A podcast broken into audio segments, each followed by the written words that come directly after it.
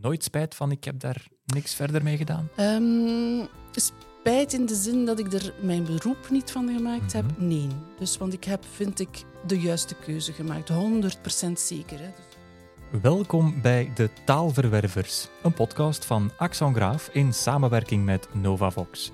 Mijn naam is Dien Meert, uw host van deze gloednieuwe podcast. Een podcast over de visie en het verhaal achter het taalbedrijf Axon Graaf en dat door de ogen van Grietje de Graven. Dag Grietje, welkom. dag tien. Het is eh, de allereerste aflevering van eh, de podcast De Taalverwervers. Maar misschien voor de mensen die je minder goed kennen, zou je jezelf even kort kunnen voorstellen. Jazeker. Dus professioneel gesproken heb ik eh, de Romaanse gestudeerd. Dat is een taalrichting aan de universiteit Mhm. met hoofdzakelijk Frans en Spaans erin. Na het afstuderen heb ik, ben ik dadelijk in het onderwijs beland. Dat was echt mijn, mijn ding. Hè. Ja. En ik ben eigenlijk nooit weggegaan uit dat onderwijs. Dus ik zit er nu Nee. nog. Hè. Eh, men zegt dikwijls dat men in het onderwijs staat. Ik sta in het onderwijs. Dat klopt. Ik sta veel recht. Mijn knieën kunnen daarover oei, oei, getuigen. En even voor de duidelijkheid, Ja. waar doseer je? Ehm, goh, dat is nu in de Hogeschool Gent. Ja. Maar het is ooit anders geweest. Ehm Steinerschool. Ik heb ooit eens een interim in het KASK gedaan. Dat vond ik heel leuk om te doen. Amai. Ja, Ja, was heel leuk. Het was met beeldhouwers en schilders enzovoort. Vond echte kunstenaars. ja, was echt een publiek dat ik heel graag had. Maar dit De publiek max. is ook leuk. Ehm, ik vind eigenlijk elk publiek, publiek leuk. Ja. Ik eh, ja, maak geen onderscheid. Maar bon, Nu, ja, ook even over misschien wie je als privépersoon bent. Als je een beetje vrije tijd hebt natuurlijk, want je hebt het wel druk, neem ik aan. Wat doe je dan? Wat doe je graag? Ja, dat ik het druk heb is, is een feit. Want eh, na een carrière van ongeveer, ja, ik denk ongeveer 40 jaar ben ik bezig. Maar ik ben altijd ook daarnaast van alles blijven doen. Ik heb, Ja. ben beginnen studeren eh, terwijl ik fulltime werkte. Ik heb eh, Ab- Arabistiek gedaan nadat ik Frans. Ja, ehm, goh, ik heb drie jaar in Marokko gewoond trouwens. En ik heb daar dus ook het Arabisch geleerd. Amai. Ja, het was heel, heel leuk. Eh, Daar kom je niet veel tegen, hè? Mensen zo- die Arabisch kennen. Ja, dat, dat weet ik niet. Eh, maar in, in ieder geval is het een heel mooie taal, vind ik. Het Mhm. klinkt heel mooi, het klassiek Arabisch. En ook het Marokkaans heb ik onder de knie gekregen. Ehm, maar ik ben nooit gestopt met studeren. Dat kan ik zeggen. Ik ben nooit gestopt met Ja. studeren. Daarnaast heb ik zeker en vast hobby's gehad, vroeger meer.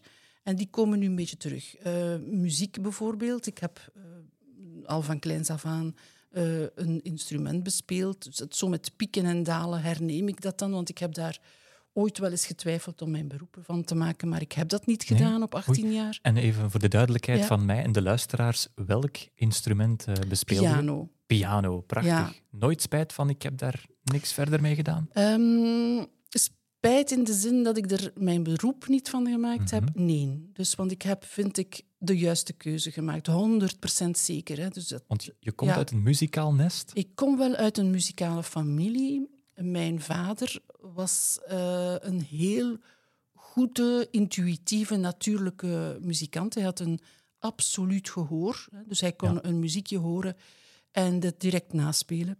Amai, En dat van kindsbeen af. Hij was, knap eh, hè? ja, ja, ja, ja. Dus dat hebben maar... Ik heb er eens een artikel over gelezen. Dat hebben maar 10.000 mensen in Europa. Er zijn Amai. maar 10.000 mensen in Europa die die, die gave hebben.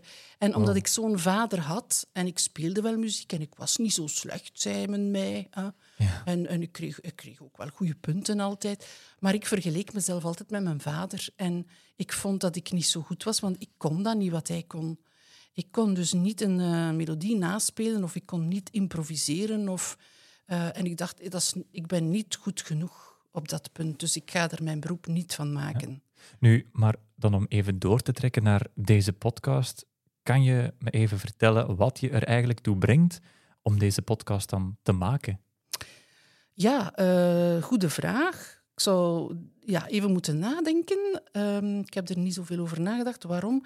Maar Ik denk gewoon dat de tijd rijp is voor de podcast. Om te beginnen heb ik jou ook ontmoet en jij kan dat doen voor mij. Je hebt een heel mooie stem, vind ik.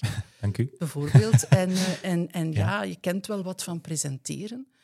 Uh, dus, en dat is zo, zo gegroeid. En ik wil ook iets meer vertellen over hoe ik het aanpak. Hoe ik die taallessen aanpak. Bij Axon Graaf dan? Bij Axon Grave. En ik probeer ook in de hogeschool um, stukken daarvan toe te passen in de mate van het mogelijke. En want um, ik denk dat we toe zijn aan een vernieuwing, ook in het taalonderwijs. Het, het, is veel in het nieuws geweest en het Frans gaat achteruit en dit Klopt, en dat. Ja. En ik wil ook mijn steentje daartoe bijdragen. Er is vier jaar geleden ook een artikel verschenen door een professor aan onze universiteit hier in Gent. Uh, van we moeten er iets aan doen, we moeten de handen in elkaar slaan. En ik dacht toen ook van ik wil ook iets doen. Ik wil een bijdrage leveren. Ik wil aan het denken gaan. Ik wil uh, iets doen om een positieve bijdrage te leveren aan deze uh, strijd om het vak Frans um, een beetje in een beter licht te plaatsen.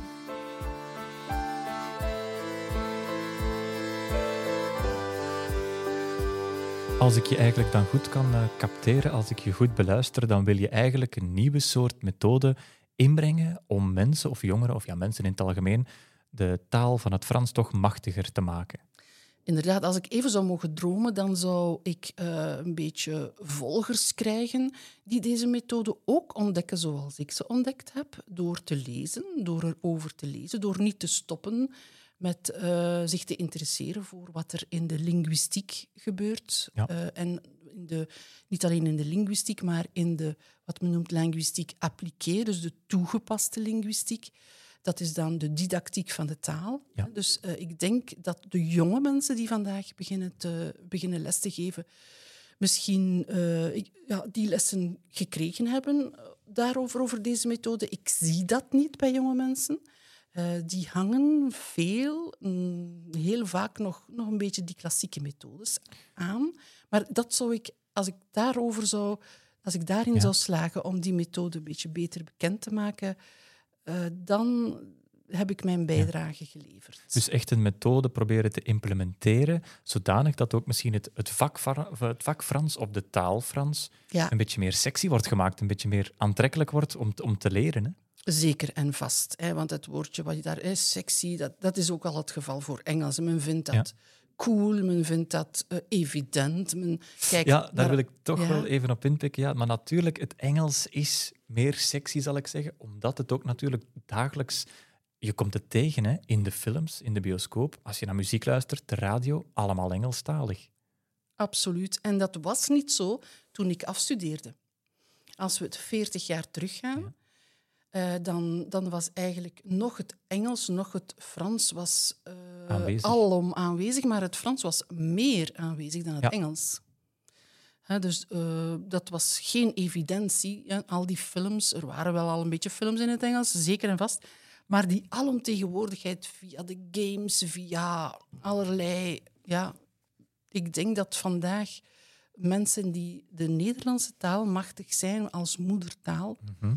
Die betrap ik heel vaak, vooral de jongeren, de jonge mensen van tussen de 20 en de 30, op het feit dat ze in hun Nederlands onvoorstelbaar veel anglicismes gebruiken. Ja. En ze vinden het Nederlandse woord niet meer. Dat zegt veel over de invloed van het Engels. Absoluut. Misschien ook de Amerikanisering ergens. Zeker. Nu, je geeft les aan de, aan de Hoogend. Eh, je hebt al ook een, een serieuze carrière in het lesgeven. Nu, ik neem aan, aan de Hogeschool Gent, dat is effectief in Gent dat je ook les geeft en dat veel, veel bent. Ehm, dat brengt mij ook eigenlijk misschien tot, tot je band met de stad Gent zelf. Want kan je daar eens wat meer over vertellen? Wat is je band met de stad Gent? Ja, mijn band met de stand- stad Gent is eh, heel vroeg ontstaan. Ehm, we zijn ooit eens eh, naar, naar Gent komen orgel leren spelen. Orgel Ja. leren spelen. Leg Ja, dat eens uit, ja. kom. Dus, dat moeten we eens eh, weten. goh, mijn papa wou ons eigenlijk muziek leren, hè? maar dat lukte niet zo goed. Hij was een zeer goede verteller, hij was een heel goede coach op van alle vlakken, maar hij was geen goede leraar muziek. Oei. Hij kon niet begrijpen dat dat bij ons zo traag ging. eh, denk ik. Ja. En ik kon het ook niet zo goed uitleggen. Dus nadat we dit een half jaar thuis geprobeerd hadden, denk ik dat hij zelf ook beseft heeft, we waren toen acht of negen, hè, dus echt heel Ja, jong, hè, jong. dat, eh, dat het gedaan moest zijn. En ik denk dat het in het midden van het jaar was, dus te laat om ons in te schrijven. En toen heeft hij ergens een orgelcursus gevonden in Gent. En zijn we dus met z'n tweeën, ik, mijn zus en ik, naar Gent gegaan elke week om orgel te leren. Dat was het begin. En dat was naar Gent dat we kwamen. Ja. Ja, En toch nog altijd nu, vandaag de dag, ben je ook iemand die wel graag in het centrum van Gent komt. Misschien ook met, met je klanten. ja dat is juist. Eh, dat is een andere hobby van mij, die ik zo'n beetje koppel aan mijn bedrijf ook. Ja. Ehm, het historische aspect.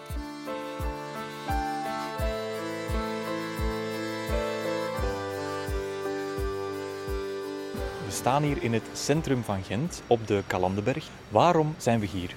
Wel, we zijn hier omwille van de link met een van mijn passies. En dat is geschiedenis. Wie in Gent woont, krijgt echt wel waar voor zijn geld. Als je geïnteresseerd bent in geschiedenis. En hier staan we nu, we kijken er ook naar, naar het vroegere huis van Jacob van Artevelde. Jacob van Artevelde is een belangrijke figuur in de geschiedenis van Gent.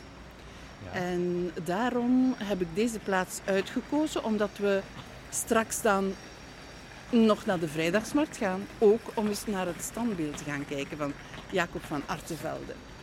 En Jacob van Artevelde, wie was die persoon eigenlijk? Wel, het was een belangrijke eh, bestuurder van Gent eigenlijk. Hij zat in het, eh, ja, het college van Diet. Ik weet niet goed hoe ik dat moet benoemen eh, in de middeleeuwen. Maar hij heeft een belangrijke periode van het Vlaamse graafschap meegemaakt. Ja. Eh, dat was de 14e eeuw, de vroege 14e eeuw. Hij is ook eh, gestorven in 1340 ongeveer.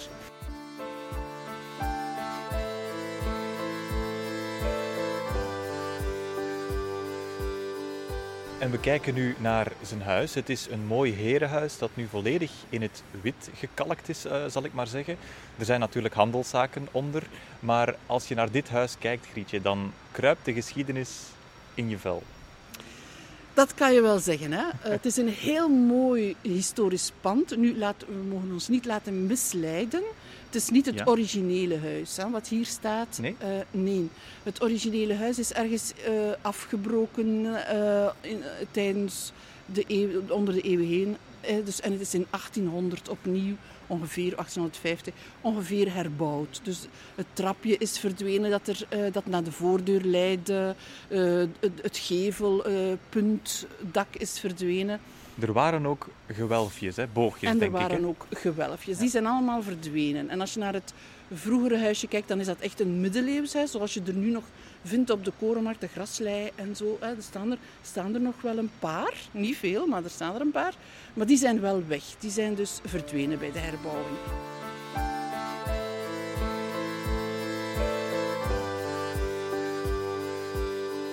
Gent, de stad van de ondernemers, onder andere. Maar inderdaad, wat is dan de link met Axon Graaf? Je zegt, ik kom hier met, met klanten dan vaak om eens te wandelen en wat historie, historische zaken op te snuiven. Heel veel mensen zijn daarvoor te vinden. Hè. Dus eh, als je aan een, ehm, een persoon die eh, Nederlands wil leren, als je voorstelt, en ik heb dat trouwens al eens gedaan, om naar een Vlaamse stad te gaan en daar een beetje die geschiedenis te bespreken, dan zijn ze daar meestal voor te vinden. Maar ik doe dat dus ook in mijn Franse lessen of Spaanse lessen. Die vinden dat allemaal heel leuk om buiten eens les te hebben. Hè. Dus het moet niet altijd in het bureautje zijn of online. Absoluut. Ja, dus daar maken we dan een soort van verhaal, hè, een, een soort van wandeling door de stad. En dan, dan neem ik ze toch wel mee, misschien niet naar de Kalandenberg telkens, maar toch zeker naar de graslei. En naar, eh, of als ik erover begin, moet je me maar stoppen, want je hebt dus de, de, de gevel van de gekroonde hoofden, wat eigenlijk ja, een soort van prent, een geschiedenisprent is, die op de gevel gedrukt wordt. En daar kan je alle graven gaan bespreken. Enfin, niet allemaal, maar Je moet eerlijkheidshalve zeggen dat de gekroonde hoofden doet me denken aan een, ribbe, ribbetjesrestaurant een in Aalst. Ah nee, het is in Gent ook een eh, restaurant. Ah, Eh, ook met de ribbetjes. Een heel goed restaurant trouwens.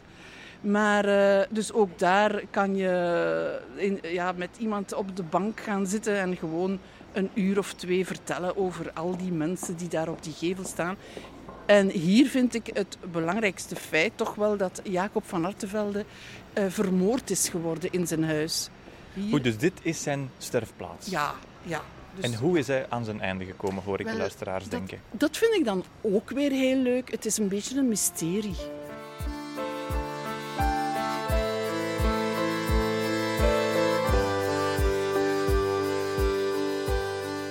Grietje de Graven, we staan hier op de Kalandenberg in het centrum van Gent. Toch wel een historische plaats, maar waarom nu net hier? Uh, de Kalandenberg staat voor mij toch wel uh, als een concrete link naar de geschiedenis in het algemeen en mijn liefde voor geschiedenis. Geschiedenis is een tweede passie geworden met de tijd. Ik heb mij meer en meer gaan verdiepen in geschiedenis. En ik ben lang van volmaakt, hè, pas op. Hè. Maar die interesse is bij mij wel degelijk gewekt. En wanneer je in Gent woont in het algemeen, um, word je hier wel bediend. Uh, krijg je waar voor je geld. Want Gent is een historische stad. Een prachtige stad ook, hè? Helemaal, ja. Het is echt een heel mooie stad ook met een verweving van het heden en het verleden. En een middeleeuws verleden, een mooi middeleeuws verleden, ehm, dat ook gelinkt is aan het graafschap Vlaanderen. En de Kalandenberg zelf, wat ik er ook nog over wou zeggen, is dat Kalande betekent eigenlijk klerk. Dus er was een link met de de klerken, dus een soort van... Het geslacht de klerk? Nee, nee, nee, nee helemaal niet. Dus de, de klerken was, dat was een beroep. Je kan dit zien als een soort secretaris, denk ik. Dus dat zij, waren de mensen die alle papieren die moesten opgetekend worden, tekenden zij op. Dat noemde men een klerk? Dat was een klerk, ja. En natuurlijk, ik denk ook, maar nu ben ik niet heel zeker, maar er, zit, er staat hier ook het gouvernement huis. Het zou me niet verwonderen als uh, dit ook in de middeleeuwen zo al was. Hè. Dus er is zeker een, uh, een link. Het is ook helemaal... We staan hier in het centrum. Hè. Centrum Gent. Hè. We hebben dan een paar stappen te doen en we zijn uh, in het centrum. Hè. in het echte...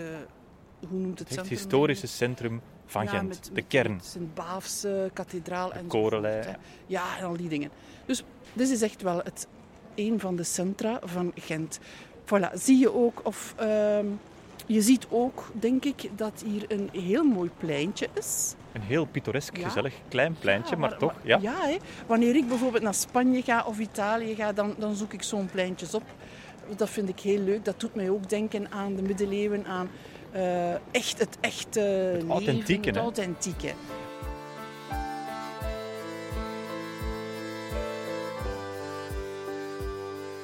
Dus ik ben ondertussen ook. Hè, dus een, een, tweede hobby van mij is geschiedenis.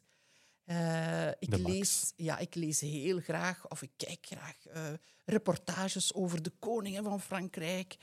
Over het je straalt helemaal als je erover spreekt. Ja? Ja, ja absoluut. Zien, maar, absoluut. Ja, maar het is ook iets dat mij enorm uh, interesseert. Want ja. mensen denken dan, wat is dat nu geschiedenis? Ja, oh, die middeleeuwen en, en, oh, en er waren koningen en, en die adelen, wat is dat?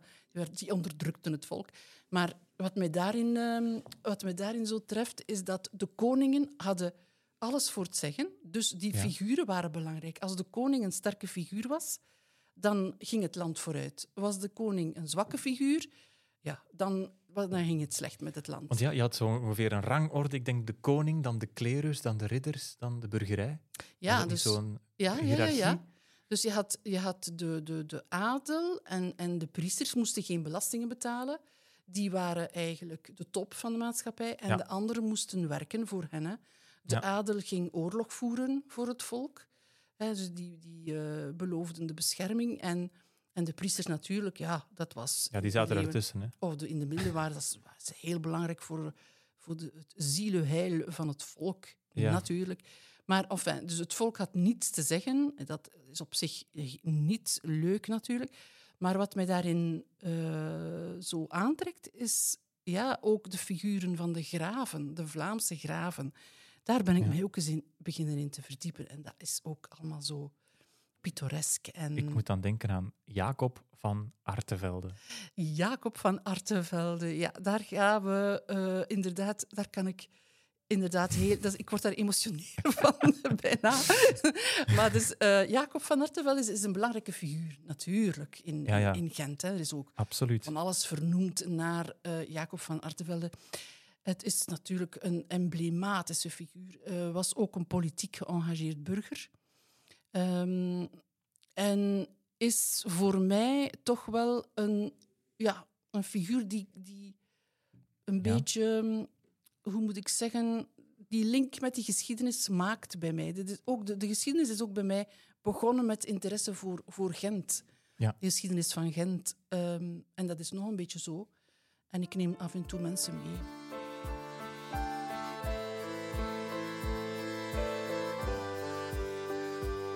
Even over je onderwijscarrière. Vertel eens, wat trok je eigenlijk aan om te starten in het onderwijs? Dat is een, een, een goede vraag. En ook, ehm, het is iets heel speciaals geweest. Ik wist eigenlijk heel vroeg Ja? dat ik in het onderwijs ging terechtkomen. Omdat toen ik, toen ik in een klas zat samen met mijn klasgenoten, kon ik eigenlijk niet goed verdragen dat andere kinderen iets niet begrepen wat ik wel begrepen had. Ik kon dat Ja. niet, ik kon dat niet loslaten. Een soort ongeduld. Nee, ik kon, nee, nee ik, kon, ik kon niet begrijpen dat anderen het niet begrepen. En, en, en ik legde het hen dan uit.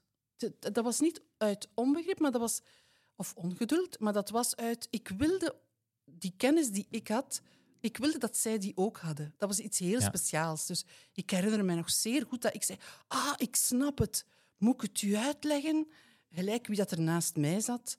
Ik begon dan die fysica of die gelijk wat, eh, die wet van, ah ja, maar moet dat zo niet zien? Moet dat... Ik, ik had dat ook eerst. Ik dacht zo, maar dat mocht je niet denken. Je moest zo denken.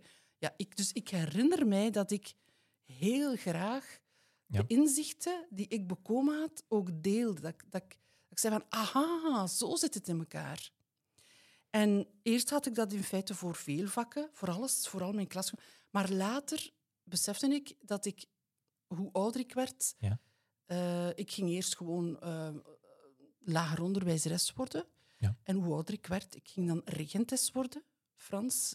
En dan, Je wou telkens hoger Ja. gaan naarmate je, je ouder werd. en dan, dan was mijn liefde voor het vak Frans eh, ongelooflijk groot. En eh, heb ik getwijfeld of ik unief ging doen, want ik vreesde dat ik dat niet zou aankunnen. Maar eh, ik heb het dan toch gedaan en ik heb er nooit spijt van gehad. Fantastisch eigenlijk toch, hè? Ja, en dat onderwijs dat was voor mij een evidentie, want toen ik heel kleintjes was thuis, speelde ik met de poppen. En alle poppen die weggegooid werden door mijn zussen, recupereerde ik. En ik zette die op stoeltjes. Ja. En ik liep daardoor met de hoge hakken van mijn mama. Hè. En ik was de juf. En, Zoals de eh, echte. ja, voilà. Dus ik oefende. ik oefende met de poppen. En ook later eh, schreef ik alle lessen die ik moest leren op het bord voor mezelf. En deed ik alsof ik... maar ik Ja, het zat erin. kan me daar toch mee correleren in de zin van, ja, ik heb vroeger ook nog met mijn zus, ja, ik heb een jongere zus, eh, drie jaar jonger, en ik heb met mijn zus ook vaak leerkrachtje gespeeld, dat we elkaar les gaven. Dus als we huiswerk hadden, we lieten elkaar ons huiswerk doen. Allee, ik was dan de leraar bij, bij haar Ja. huiswerk en zij de leraar bij mijn huiswerk. En zo werd het leuk. Ja, Omdat je zelf ook het gevoel had van, kijk, ik kan hier iets overbrengen, ik, ik heb hier iets te zeggen ook een beetje. want je iets heel belangrijks gezegd. Hè? Dat Ja. van dat leuk worden. Ja, nu, wordt- dan wordt het fijn. Ja. Omdat je echt betrokken bent. En het is, het is anders dan je gewoon in stilte proberen formules achter de hand te krijgen of onder de knie te krijgen. En ja, het wordt leuk dan. Ja, want vandaag is er zo een beetje... Je hebt twee scholen bij de leraars. Hè. Je hebt, ja, we moeten, we moeten- het weer leuk maken. Zo. Of het is weer niet goed. Zo. Eh, Dus je hebt daar wat tegenstand tegen, omdat... eh, en men, als men overdrijft, is het ook niet goed. Dat klopt. Mhm. Maar wat houdt ons tegen om die lessen toch wat aangenamer Te maken. te maken? Hè? We moeten Tuurlijk. we moeten misschien niet ehm, in van die, van die rare situaties terechtkomen. We moeten niet overdrijven. Maar laat Er moet het... geen clown binnenkomen die Ja, Franse woordjes voilà. gaat opzeggen, maar Ja, dat is een het. maar- manier vinden om het leuk en aantrekkelijker te Ja. maken, dat je er met goesting tegenaan kijkt. Zeker, zeker. Ik denk dat we dit een beetje onderschat hebben vroeger. En vooral de jonge mensen hmm, zijn anders dan onze generatie. En ik denk dat je als leerkracht altijd de vraag moet stellen: hoe krijg ik ze mee? Ja. Dat is heel belangrijk. En, en is dat dan met een YouTube-filmpje of is dat dan met iets anders? Uh, maakt niet uit. Maar het moet weer leuk worden, het moet weer aantrekkelijk worden gemaakt. Het moet aantrekkelijk worden gemaakt.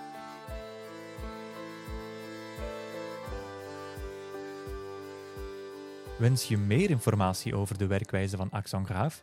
Of wil je deze aflevering herbeluisteren? Surf dan naar www.axongraaf.be of ga naar Spotify, Google Podcasts of Apple Podcasts.